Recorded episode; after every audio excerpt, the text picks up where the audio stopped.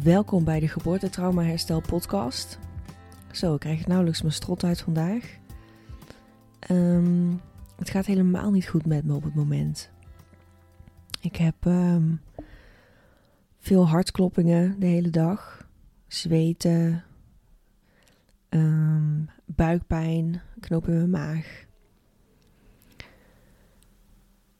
En ik heb een hele lage frustratietolerantie. Kan heel weinig hebben. Ik voel me eigenlijk net zo slecht als voordat ik de EMDR deed. Nou merk ik wel nu dat ik een stuk sneller herstel en ook makkelijker weer even uitkom of even helemaal klachtenvrij ben. Dat ik even heel ergens anders mee bezig ben. Maar het gaat gewoon echt niet goed met me. En gelukkig is er een duidelijk aanwijsbare reden. Um, ik ga namelijk over drie dagen al naar het ziekenhuis waar ik bevallen ben. Voor een gesprek met de gynaecoloog en de artsassistent en de verpleegkundige.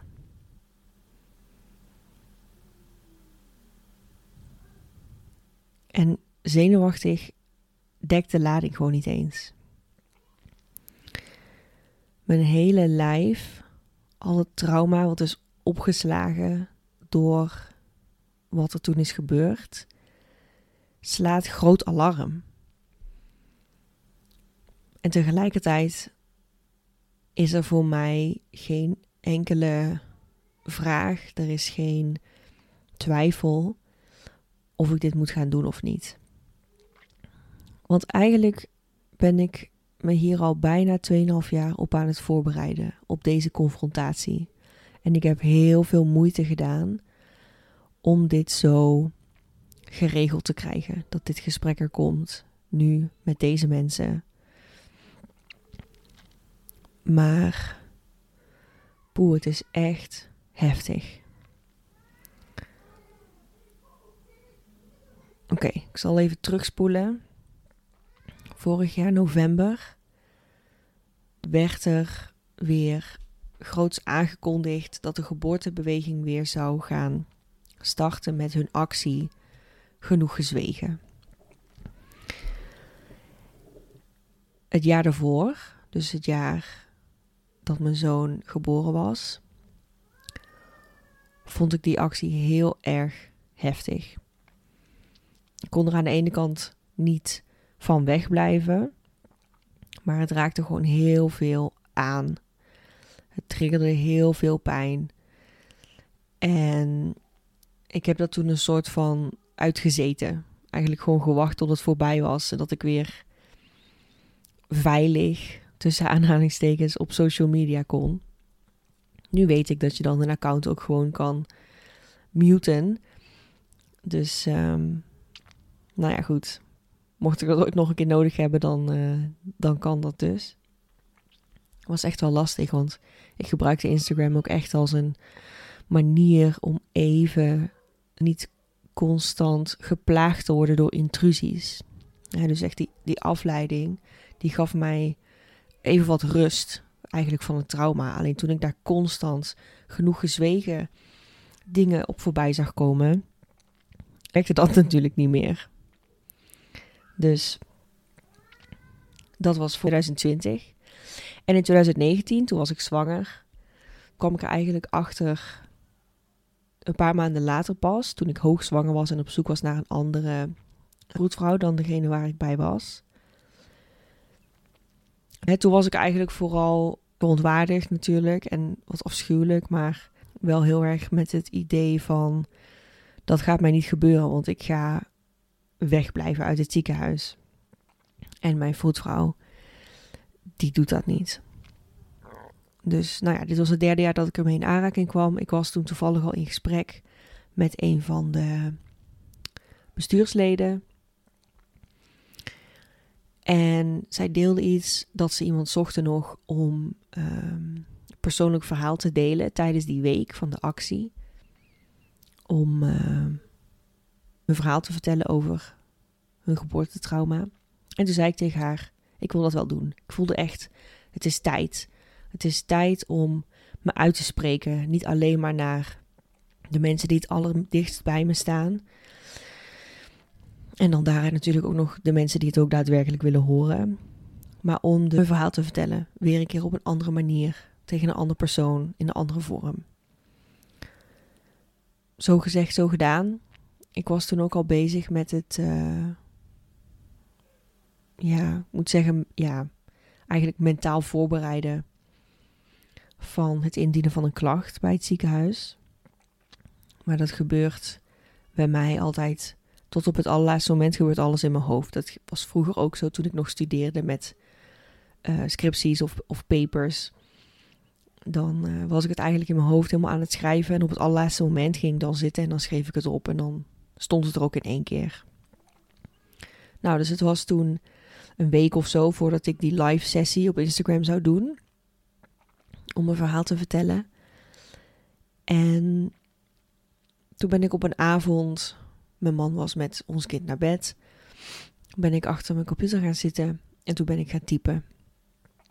En toen rolde daar acht pagina's aan tekst uit. Eigenlijk een brief, een persoonlijke brief aan de gynaecoloog, de artsassistent en de verpleegkundige. En in mindere mate ook nog de klinisch verloskundige. En het was echt een hele vurige brief.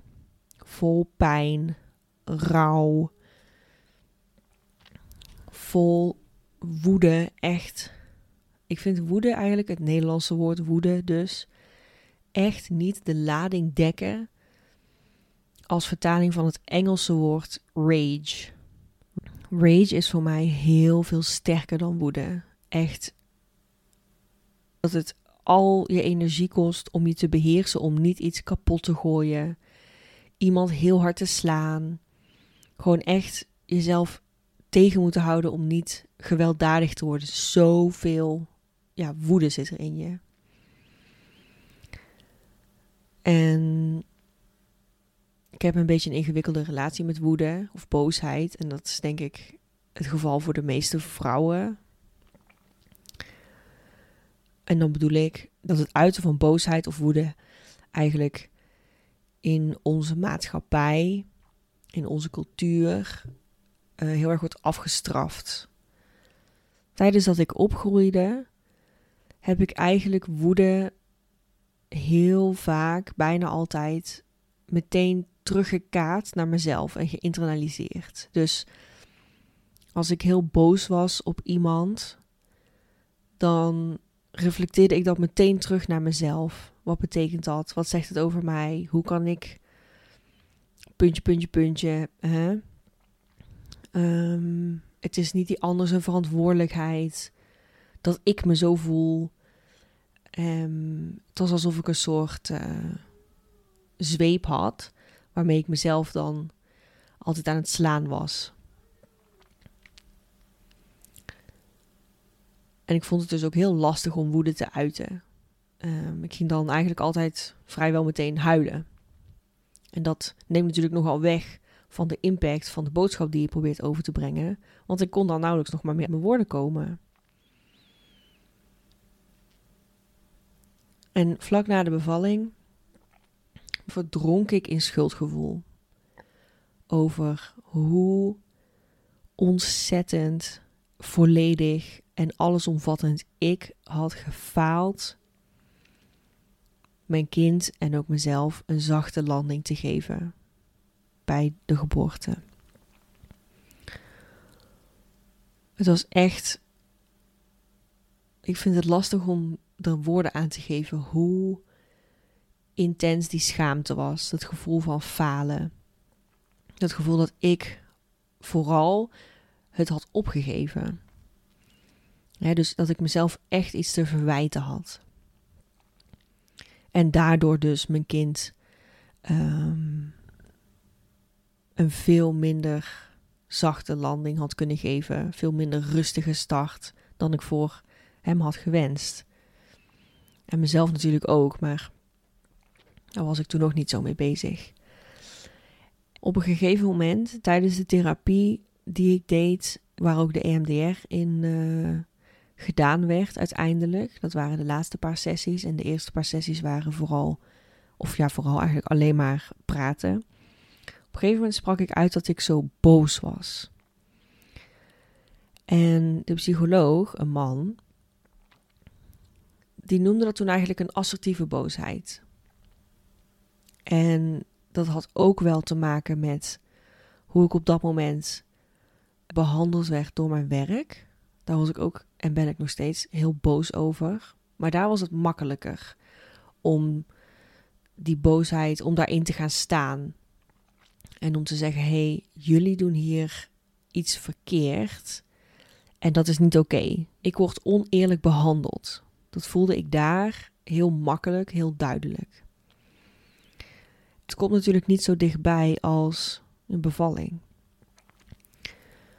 Maar ik was dus, ik, ja, ik sprak toen dus voor het eerst uit dat ik boos was op die zorgverleners, hoe ze me hadden behandeld. En toen zei hij: Wat wil je daarmee? Wil je een klacht indienen? Of, en toen, dat was het eerste moment dat ik dacht: Oh ja, ik kan een klacht indienen. En ik was toen totaal nog niet op een punt dat ik daar ruimte voor kon vrijmaken. Het kostte me meer dan alle energie die ik had om gewoon te functioneren en de dagen door te komen. Maar ik wist wel meteen toen hij dat zei: ja, dat moet ik doen. Dit is belangrijk voor mijn herstel. Dus spoelen we even weer vooruit naar uh, eind november vorig jaar, toen ik dus die brief schreef. Die brief die rolde er echt zo uit. Ik heb bijna niks meer aangepast naar de hand. Al die zinnen en dingen die ik wilde zeggen tegen deze mensen. Van dit is wat jij hebt gedaan en dit is wat het met mij heeft gedaan. En dat was niet oké. Is eigenlijk de beleefde samenvatting. Maar in die brief heb ik echt alles benoemd. Alle dingen die gedaan werden zonder mijn toestemming. Of zelfs tegen mijn nee in. En ook wat het sindsdien met me had gedaan, hoe het met me ging. Uh, hoeveel verschillende soorten therapieën en, en andere ja, herstelactiviteiten, noem ik het maar even. Ik tot dan toe al um, had opgezocht en hoeveel geld het me had gekost. En dat ik eigenlijk me op dat moment in mijn leven heel uitzichtloos voelde. Want ik zat in de ziektewet ik kon niet, ik kon mijn oude werk gewoon echt niet doen. Um, ik was inmiddels mijn baan kwijt. Mijn werk had me zo snel als seconde uh, eruit gewerkt. En ik had gewoon echt geen flauw idee hoe ik weer zou. Ja, hoe mijn leven, zeg maar, ooit weer beter zou gaan worden. Ik voelde me op dat moment nog steeds echt heel slecht. Ik was nog steeds echt aan het overleven. En ik was en ben heel erg boos.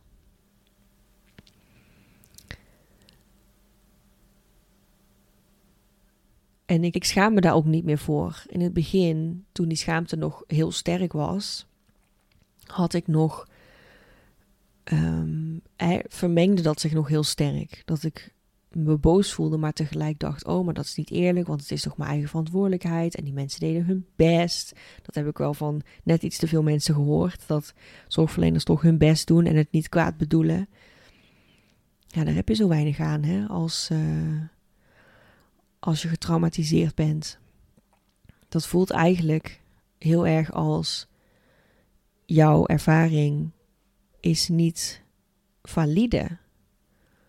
Want ze bedoelde het niet kwaad, dus de schade die het jou heeft berokkend telt niet of zo. Of je mag niet boos zijn omdat ze niet expres deden.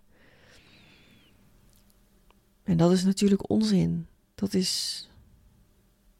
Dat is heel schadelijk om op die manier te denken en ook om het tegen iemand te zeggen. Ook al zeg je het niet letterlijk, maar is het meer een insinuatie. Dat is echt heel ontkrachtigend. Dus daar ben ik gelukkig helemaal vanaf. Ik accepteer ook niet meer als mensen ook maar die richting ingaan. als ik het met iemand erover heb. Ik ben woedend omdat ik heel slecht ben behandeld. Ook al, want dat realiseer ik me en dat zie ik echt.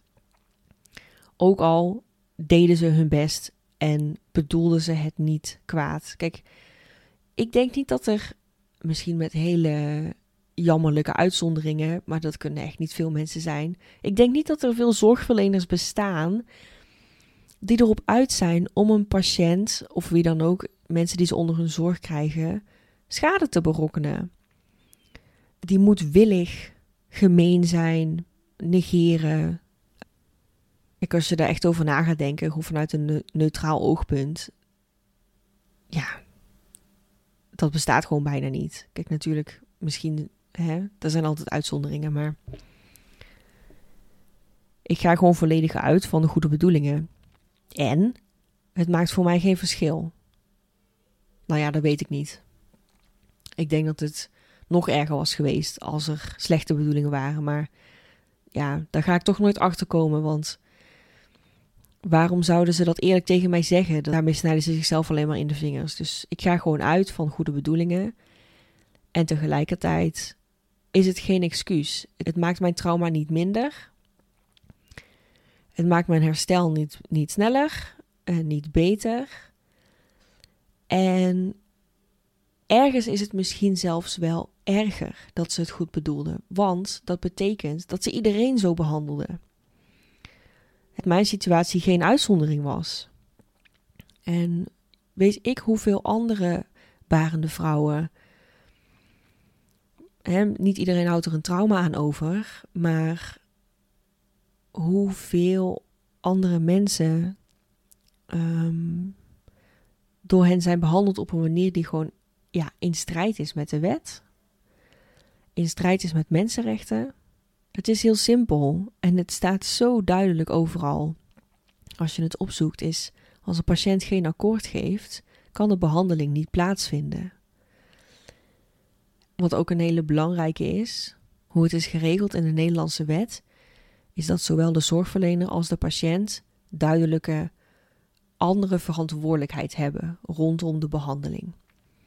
De zorgverlener is namelijk verantwoordelijk voor het geven van de juiste en volledige informatie over de behandeling die ze voorstellen of die ze adviseren. Want dat is het, het is een advies. En als de patiënt akkoord gaat, dan is het hun verantwoordelijkheid om die behandeling zo goed mogelijk uit te voeren. De verantwoordelijkheid van de patiënt ligt bij het maken van de keuze om het advies van de zorgverlener wel of niet aan te nemen. En de patiënt is verantwoordelijk voor de uitkomst. En ik denk dat daar alles op terug te voeren is. Wat er mis is gegaan bij mij. Namelijk, ik heb het nu vooral over de artsassistent, want ik heb met haar de meeste tijd doorgebracht en zij heeft de meeste dingen gedaan waar ik door getraumatiseerd ben geraakt. Ik heb dus heel sterk het idee dat zij zich verantwoordelijk voelde voor een goede uitkomst, dus voor een gezonde baby. Volgens mij zijn er heel weinig zorgverleners die echt goed zich realiseren dat zij niet verantwoordelijk zijn voor de uitkomst van de keuze die de patiënt zelf maakt om wel of niet hun advies voor een behandeling aan te nemen. En wat krijg je dan? Zorgverleners voelen zich verantwoordelijk, stellen een behandeling voor. Als de patiënt daar niet onmiddellijk mee akkoord gaat, wordt er gepusht, gemanipuleerd, gedreigd of het wordt gewoon gedaan. En vervolgens heeft die patiënt het gevoel dat er over zijn of haar grenzen is gegaan. En dat is dus ook zo. Dat is grensoverschrijdend gedrag. In het Engels hebben ze een mooi woord voor grensoverschrijdend gedrag in het veld van gynaecologie, namelijk obstetric violence, obstetrisch geweld.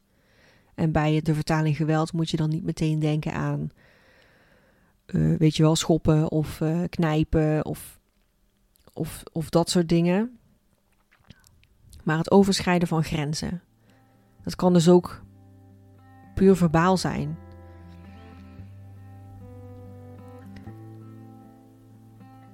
Ik heb op een gegeven moment de polykliniek gynaecologie gebeld van het ziekenhuis waar ik ben bevallen. Om te zeggen dat ik nog een keer een gesprek wilde met mijn zorgverleners van de bevalling. En toen zeiden ze doodleuk over de artsassistent: Oh, die werkt hier niet meer. En toen ik vroeg waar ze dan nu werkt, zeiden ze: Oh, nou ja, dat weten we niet. Veel succes ermee, hè? Doei. Ik ben toen op Facebook gegaan en heb haar gevonden. Was vrij makkelijk, want in de verloskamer hadden ze een whiteboard hangen waar ze onze namen opschreven, die van mijn man en mij, en de namen van de artsassistent en de verpleegkundige, zodat wij daar dus altijd even snel naar konden kijken als we het niet meer wisten. En ze schreven daar later ook de tijd op van de geboorte van mijn kind. Dus ik wist haar voornaam. En ik wist natuurlijk ook haar achternaam, want dat staat overal in het dossier. Met alleen haar achternaam had ik dat denk ik niet gevonden. Maar ik wist haar voornaam. Dus ik had haar zo gevonden op Facebook. Maar ik wilde haar absoluut geen bericht sturen op Facebook. Ik wilde alleen maar kijken waar ze nu werkte en haar nieuwe werkplek bellen om via die weg gesprek te regelen. Maar ze had haar Facebook niet geüpdate nadat ze wegging uit het ziekenhuis waar ik ben bevallen. Toen ging ik op LinkedIn kijken. Had ik er ook zo gevonden, daar had ze het ook niet geüpdate. Ik had op Facebook gezien dat we één gemeenschappelijke vriend hadden. Dus ik belde haar en ik zei: Goh, weet jij misschien toevallig waar ze nu werkt? Want ik wil met haar in contact komen. Ze hadden samen geneeskunde gestudeerd. En zij wist het niet, ze waren geen goede vrienden of zo geweest. Daar liep mijn zoektocht dus even stil. Toen ben ik gaan kijken op een soort medische WhatsApp die ik uh, op mijn telefoon heb. Daar kunnen zorgverleners op een beveiligde manier berichten naar elkaar sturen. En ik zat daarop als psycholoog, want ik ben psycholoog, maar ik heb geen BIG-registratie, want dat heb je als psycholoog pas na een postmasteropleiding die ik nog niet had gedaan. Dus dat betekende in die app dat ik mensen wel kon opzoeken, maar dat ik ze geen bericht kon sturen, tenzij ik hun telefoonnummer in mijn contacten had opgeslagen. Dus als ik ze echt zeg maar zelf al kende, want dat is echt een 06-nummer. Had ik natuurlijk niet. Maar met een BIG-registratie kon je wel gewoon iedereen opzoeken en een bericht sturen of hun profiel bekijken. Nou had ik een vriend, die is fysiotherapeut, die heeft dus een BIG-registratie. En ik heb hem toen gevraagd of hij wilde kijken of er bij haar, bij die artsassistent, wat daar stond bij werkplek. En nou ja, minder dan een kwartier later stuurde die me al een berichtje. Zo van ze werkt nu hier, volgens het profiel. Dus wow, toen had ik het ineens heel snel. Ik heb toen een paar dagen later die instelling opgezocht, gewoon gebeld en gezegd: Ik ben op zoek naar een arts die bij jullie werkt.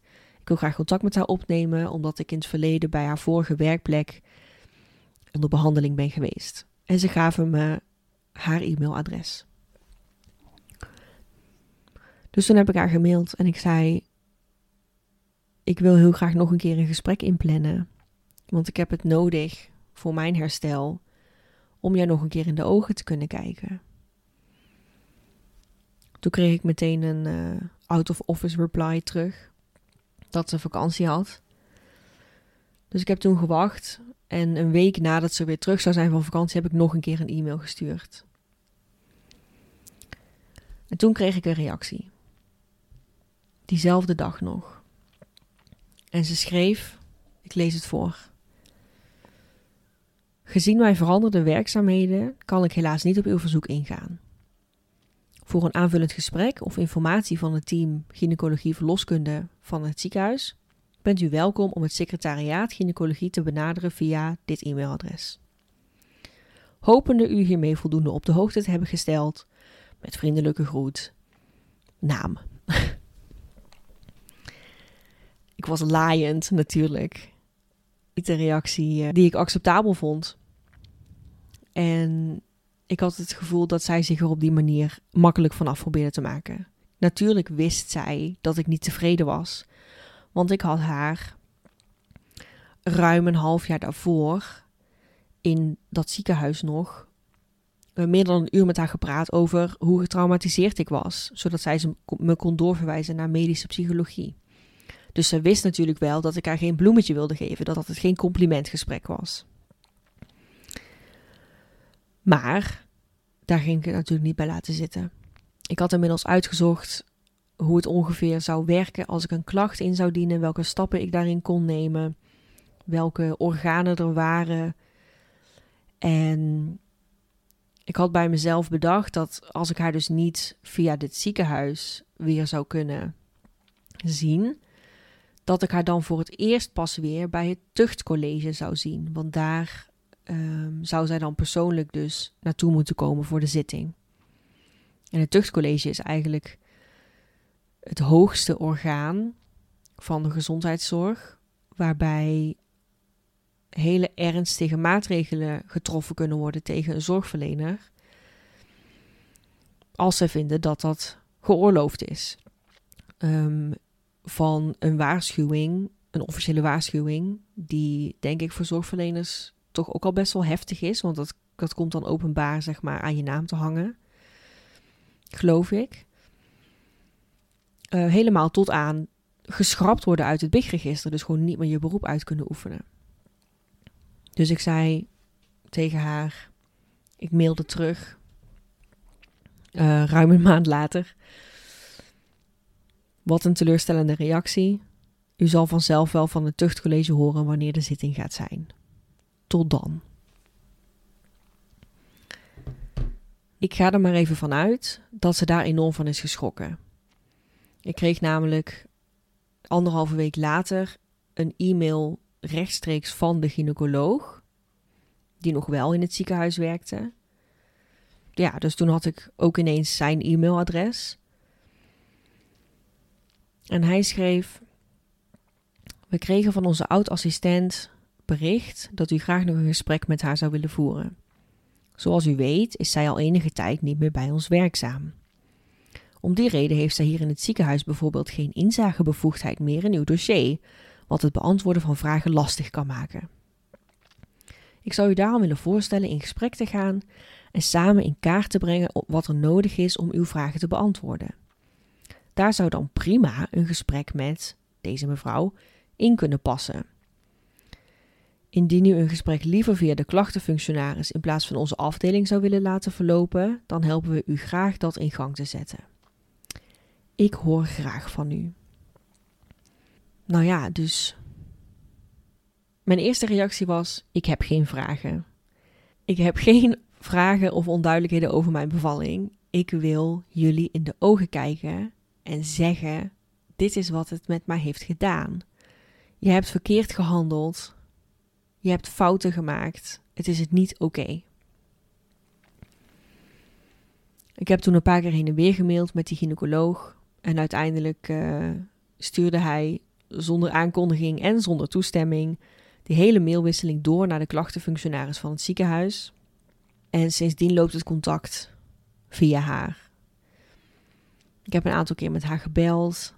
Uh, en zij heeft dus met de gynaecoloog en de artsassistent en de verpleegkundige een gesprek geregeld. Ik had in eerste instantie geëist om een gesprek met iedereen die aanwezig was geweest bij mijn bevalling. Elke verpleegkundige die binnen was geweest. De klinisch verloskundige. De kinderarts die mijn kind bij me weg had gehaald, ondanks dat ik dat niet wilde. Uh, om te onderzoeken. Gewoon iedereen. Ik zag voor me een stuk of tien mensen aan een grote tafel en ik aan de andere kant voor dat gesprek. Nou, dat werd zo ingewikkeld dat ik dat op een gegeven moment heb losgelaten en dacht: oké, ik neem wel genoegen met de hoofdrolspelers van mijn nachtmerries. Inmiddels bleek dat de gynaecoloog met pensioen was gegaan. Maar de klachtenfunctionaris zei er meteen bij dat hij wel nog bereid was om gewoon nog terug te komen voor dat gesprek voor mij. Ze deed het een beetje klinken alsof hij uh, me een enorme gunst deed. Terwijl ik alleen maar kon denken: interesseert me niet dat je met pensioen bent. Dat maakt voor mij echt geen enkel verschil, namelijk. Maar goed. Het is blijkbaar nogal ingewikkeld geweest, want het heeft echt maanden geduurd. Maar nu is het dus zover. Er is een gesprek gepland voor over drie dagen. De gepensioneerde gynaecoloog, de ergens anders werkende artsassistent en de verpleegkundige, die zijn er allemaal bij. En, en dat was ook nog een heel ding blijkbaar, de afspraak is twee uur lang. De klachtenfunctionaris had eerst drie kwartier ingepland en ik moest gewoon lachen. Dat is echt, dat gaat echt never nooit uh, genoeg tijd zijn. Ik heb veel te zeggen. Dat vond ze. Ze sprak me toen een beetje belerend toe. Zo van: Ik doe dit werk al 15 jaar en dit is nog nooit gebeurd. Het is echt wel een unicum. Maar goed, als u dat per se wil, dan kan ik het wel weer vragen aan de betrokkenen. Want ik kan daar zelf geen beslissing over maken voor hen natuurlijk. En toen belden ze me een dag later terug. Uh, iedereen is akkoord. Dus nu komt er blijkbaar een heel uniek twee uur lang. Ze noemden het een bemiddelingsgesprek. Het is dus pre-officiële klacht. Ik heb nog helemaal geen officiële klacht ingediend. Het ga ik natuurlijk wel doen na dit gesprek.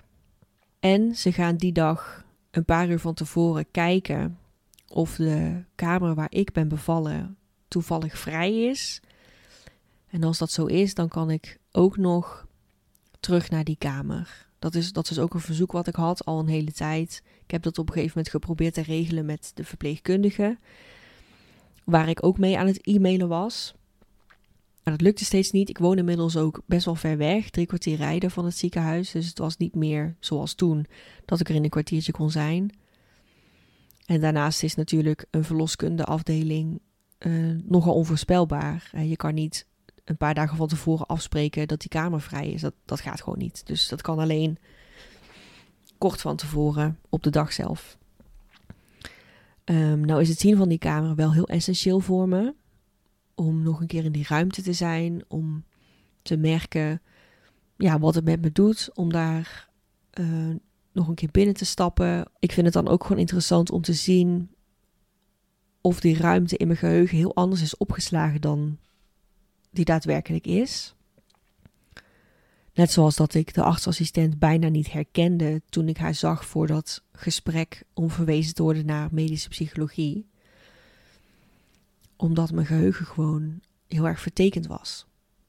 Ik herkende er wel meteen, maar ze zag er wel heel anders uit of zo, heel vreemd.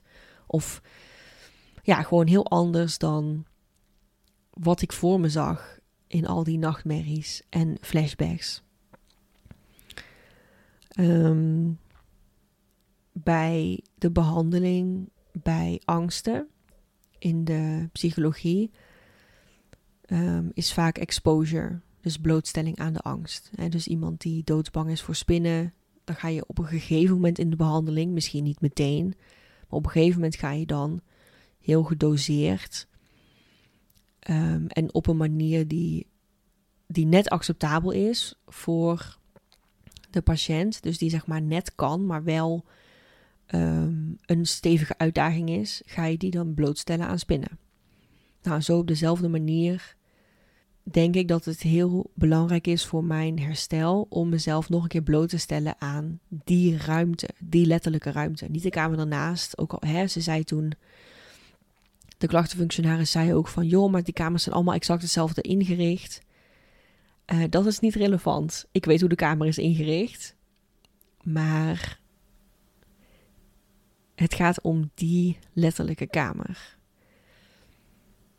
Het is gewoon een belangrijke, een belangrijke stap voor mij. Dus misschien dat dat ook nog voor het gesprek gaat plaatsvinden. Ik heb gisteren, toen was mijn zoon bij mijn moeder, heb ik met mijn man die brief die ik toen heb geschreven helemaal doorgenomen. En we hebben ook de leidraad verloskundige zorg buiten de richtlijn erbij gepakt van de beroepsvereniging van verloskundigen en de beroepsvereniging voor gynaecologen. Die hebben dat samen opgesteld. En we hebben het dossier erbij gepakt. Waarin dus door alle verschillende zorgverleners een slag is gedaan van hoe de bevalling verliep. En wat er precies gebeurde. En er staat ook de partusbrief in. Dus een soort samenvatting die naar de huisarts is gestuurd. En er staat ook het verslag in van het gesprek wat ik had met de artsassistent, waarmee zij me doorverwees naar medische psychologie. En dat hebben we samen, uh, hebben we stukjes um, gemarkeerd en notities bijgezet. En dat gaan we dan meenemen. En mijn plan is om te beginnen met een aantal vragen die ik heb, eigenlijk hele praktische vragen.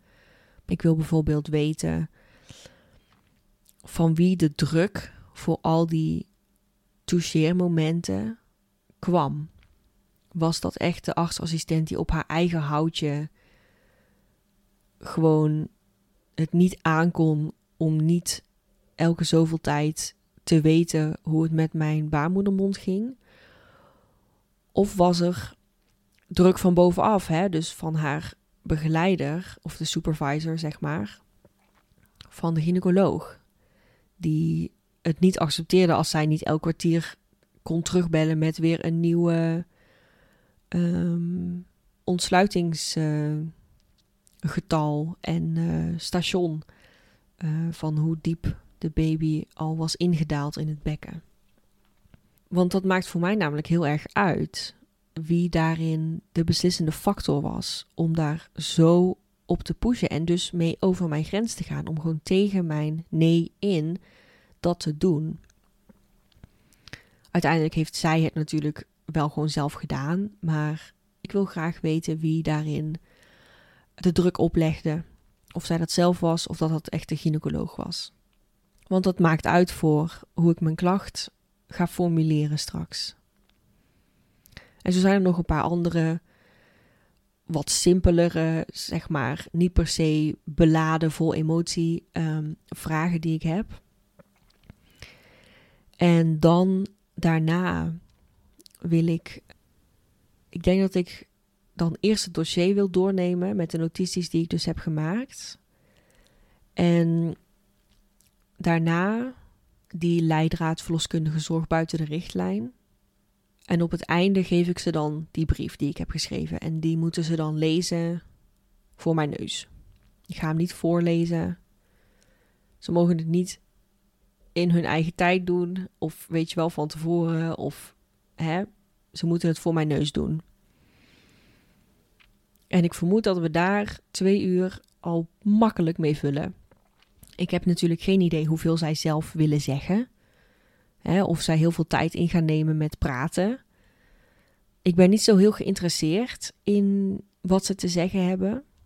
Want ik kan niks bedenken waar ik iets aan zou kunnen hebben. En ik ben nu alleen maar met mezelf bezig. Ik ben niet geïnteresseerd in of het voor hen heftig was, of moeilijk, of lastig, of dat zij er nog moeite mee hebben dat het zo is verlopen. Dat vind ik allemaal maar heel matig interessant.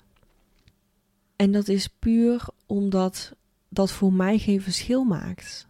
Voor mijn ervaring toen en voor al die tijd sindsdien. En voor hoe mijn leven er nu uitziet. En voor alle gevolgen die het heeft gehad in mijn leven. Is het gewoon niet relevant of zij het misschien ook moeilijk vonden. Want voor hen was het, of is het, alleen maar hun baan. En voor de gynaecoloog zelfs niet eens meer. Dat is dan voor hem hooguit een, een, uh, een bittere nasmaak of zo aan het eind van zijn carrière, weet ik veel. Maar dat is echt anders. En ik zou veel te makkelijk, en vroeger zou ik dat ook zeker hebben gedaan, me verplaatsen in een ander. En daardoor, door de compassie die dat dan opwekt, niet doen wat ik nodig heb, omdat dat voor hen dan vervelend zou zijn. Dus dat klinkt dan nu misschien hard, dat ik totaal niet geïnteresseerd ben in hoe het voor hen is. En het interesseert me niet dat het hard klinkt. Want ja, dan maar hard. Uh, mag ik niet hard zijn? Hierin, dat is geen vraag. Dat is misschien een retorische vraag. Maar ik vraag niemand meer om toestemming. Of ik me op een bepaalde manier mag voelen. Ik ben hierin ja, de afgelopen bijna 2,5 jaar enorm gegroeid. In dat ik geen toestemming nodig heb. Geen goedkeuring nodig heb. Geen excuses maak, geen verantwoording afleg voor hoe ik me voel en wat ik nodig heb. En wat voor mij wel of niet daarin relevant is. Maar ik ga er dus naartoe met een heel duidelijk doel, namelijk dat zij zien wat het met mij heeft gedaan. Dat ze echt de pijn, het trauma, het geweld met terugwerkende kracht dus zien, dat ze zich realiseren dat ze echt grote fouten hebben gemaakt. En wat zij daar dan vervolgens mee doen, ja, daar kan ik wel ideeën over hebben. Heel idealistische ideeën. Het wordt me ook steeds gevraagd. Die klachtenfunctionaris vroeg het. Sommige mensen in mijn persoonlijke omgeving die vragen het van, maar wat wil je nou precies bereiken met zo'n gesprek? Nou, en ik heb dus een aantal antwoorden daarop. Het eerste is wat ik net zei. Het voelt voor mij, dit heb ik mezelf al heel vaak horen zeggen. Dit op deze manier zo doen, heb ik altijd al geweten dat ik dat nodig heb voor mijn herstel. Omdat het voelt als voor mezelf opkomen wat ik toen niet kon. Tijdens mijn bevalling. Toen mijn lichaam registreerde: oh, we zijn hier niet veilig. En in overlevingsstand ging. En overlevingsstand betekent dus zo snel mogelijk wegkomen uit deze onveilige situatie. En dat is dan dus fight, vechten, flight, vluchten, freeze, bevriezen of fawn en dat is bevrienden. Dat zie je ook vaak bij uh, aanranding en verkrachting. Dat het slachtoffer dan bijvoorbeeld doet alsof ze het fijn vindt om verder geweld te voorkomen en zodat het zo snel mogelijk af is gelopen en ze weg kan komen en het kan overleven. Nou, ik heb bij mezelf al die vierde reacties gezien in dat moment. En daarnaast was ik natuurlijk ook aan het baren. Ik bedoel, hallo. ik was al. Mijn, mijn bevalling heeft in totaal 40 uur geduurd. Ik was kapot. Ik was echt nog tot maar heel weinig in staat. En ik was dus ook nog eens heel erg naar van de remifentanil, morfineachtige druk. Dus op een gegeven moment kon ik niet meer voor mezelf opkomen. En dit gesprek nu is voor mij een soort herstel daarvan. Kom ik op voor mijn vroegere zelf. ook al verandert dat in feite niks aan wat er toen gebeurd is, maar het is echt heel belangrijk voor me.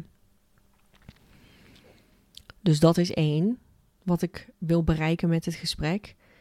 Kijk, als je me echt zou vragen: wat wil je dat er gebeurt? Weet je wel, in het meest ideale geval, dan wil ik natuurlijk dat ze hun protocollen gaan aanpassen. Dat ze de manier waarop ze met patiënten omgaan veranderen en heel erg hoog in het vaandel gaan zetten. Dat iedereen die daar werkt precies weet wat is informed consent, hoe krijg je het, wanneer is het eh, niet zuiver. Hè? Dus wanneer ben je aan het manipuleren of aan het pushen. En dat iedereen zich realiseert dat de patiënt de keuze maakt en verantwoordelijk is voor de uitkomst. En dat zij dus niet hoeven te handelen met het misplaatste idee dat zij verantwoordelijk zijn voor de uitkomst. En daarmee dus over grenzen gaan. Maar ja, dat lijkt me ongeveer net zo waarschijnlijk als dat ik een oprecht excuses krijg. Namelijk helemaal niet. En zelfs al zou er iemand een uh, excuus maken bij dat gesprek, zometeen, weet ik ook echt niet of ik het wel kan geloven dat het oprecht is. Want ik heb nu natuurlijk gedreigd met dat tuchtcollege. Dus ik ga er eigenlijk vanuit dat hun doel is om te proberen te voorkomen dat ik zo ver ga. Dus dat zij gaan zeggen wat ze denken dat nodig is om mij te, ja, te paaien. Om te zorgen dat ik uh, in ieder geval niet. Ja, ik weet niet precies. Maar dit is natuurlijk allemaal invullen. Ik weet niet wat zij denken, hoe zij zich voorbereiden, wat ze verwachten, wat ze zelf nog gezegd willen hebben of willen vragen. Dat weet ik allemaal niet. Uh, maar ik weet nu wel wat ik wil zeggen en vragen. En dat is wat er gaat gebeuren. En ik merk nu dus de afgelopen anderhalve week dat mijn klachten heftig terugkomen, omdat ik weer geconfronteerd ga worden met degene die mij zo geweld hebben aangedaan. Dat is heel begrijpelijk in het licht van trauma. Mijn hele lichaam slaat alarm. Ik was laatst in een ander ziekenhuis. En ik merkte dat ik hartkloppingen kreeg toen ik de parkeergarage inreed. En voordat ik uitstapte om naar de ingang te lopen, heb ik even mijn hand op mijn hart gelegd en mijn andere hand op mijn buik, want mijn ademhaling was ook niet meer ontspannen. En toen heb ik eigenlijk gewoon tegen mezelf gezegd: Bedankt dat je me beschermt. Want dat is wat het is, hè? Mijn lichaam geeft al die signalen als een teken van het is hier niet veilig, wegwezen. Dus dat is een beschermingsmechanisme. Dus ik zei bedankt dat je me beschermt en we zijn hier veilig. Dus ik en mijn lijf, I guess. En dat was helemaal niet gerelateerd aan um, het ziekenhuis waar ik ben bevallen. Ik was daar ook niet voor mezelf. Maar gewoon het feit dat het een ziekenhuis was, bracht die reactie teweeg in mijn lijf. En sindsdien is dat steeds sterker geworden. En ik verwacht ook niet dat het na het gesprek meteen weer helemaal weg is.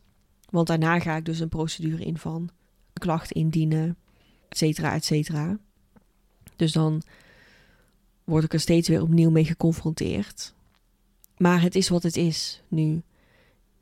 Ik heb dit nodig. Dit is essentieel voor mijn herstel. Dus ik ga het doen. Ehm, met angst ga ik het toch doen.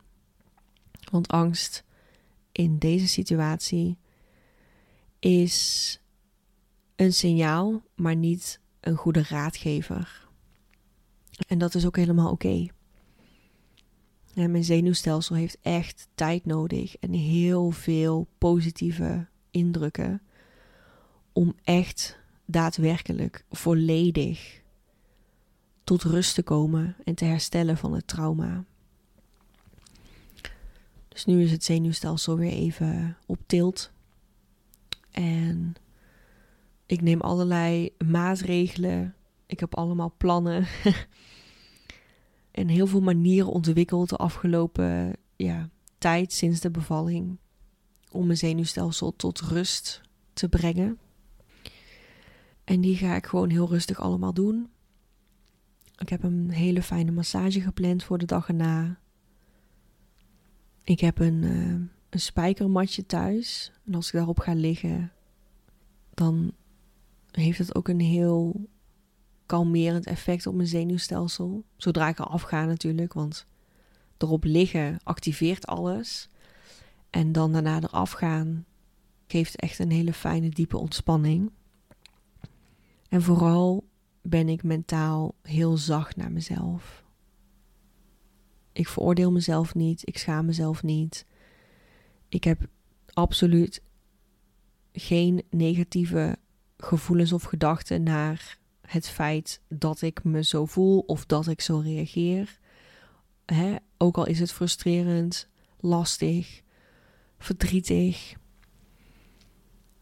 En ik heb de mensen in mijn directe omgeving heel duidelijk laten weten dat ik echt fragieler ben nu en labieler. Dat mijn stemming kan omslaan, dat ik kan uitvallen. En dat dat hierdoor komt en niks met hen te maken heeft. En zij kunnen daardoor dus niet op mij reageren, maar gewoon. Want dan krijg je ruzie. zij weten dus al dat het niks met hen te maken heeft als ik heftig reageer of onredelijk. En zij steunen mij door dan dus met zachtheid te reageren. En daarmee voel ik me heel erg klaar voor deze week. Dus ja, daar gaan we. Een van de grootste stappen in mijn herstel is nu ineens al bijna hier. Ik voel me in ieder geval door het opnemen van deze podcast, alles door te spreken, heel veel dingen hardop te zeggen die ik eerder nog niet hardop had gezegd.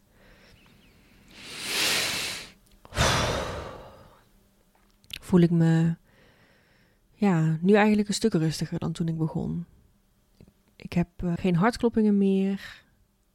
Ik zweet ook niet meer. Ik heb geen buikpijn meer. Ik voel me eigenlijk wel ja, opgelucht. En ik ben er klaar voor. Dus bedankt voor het luisteren. De volgende keer zal ik dus vertellen hoe het was, hoe het is gegaan, het gesprek. Dus uh, tot dan.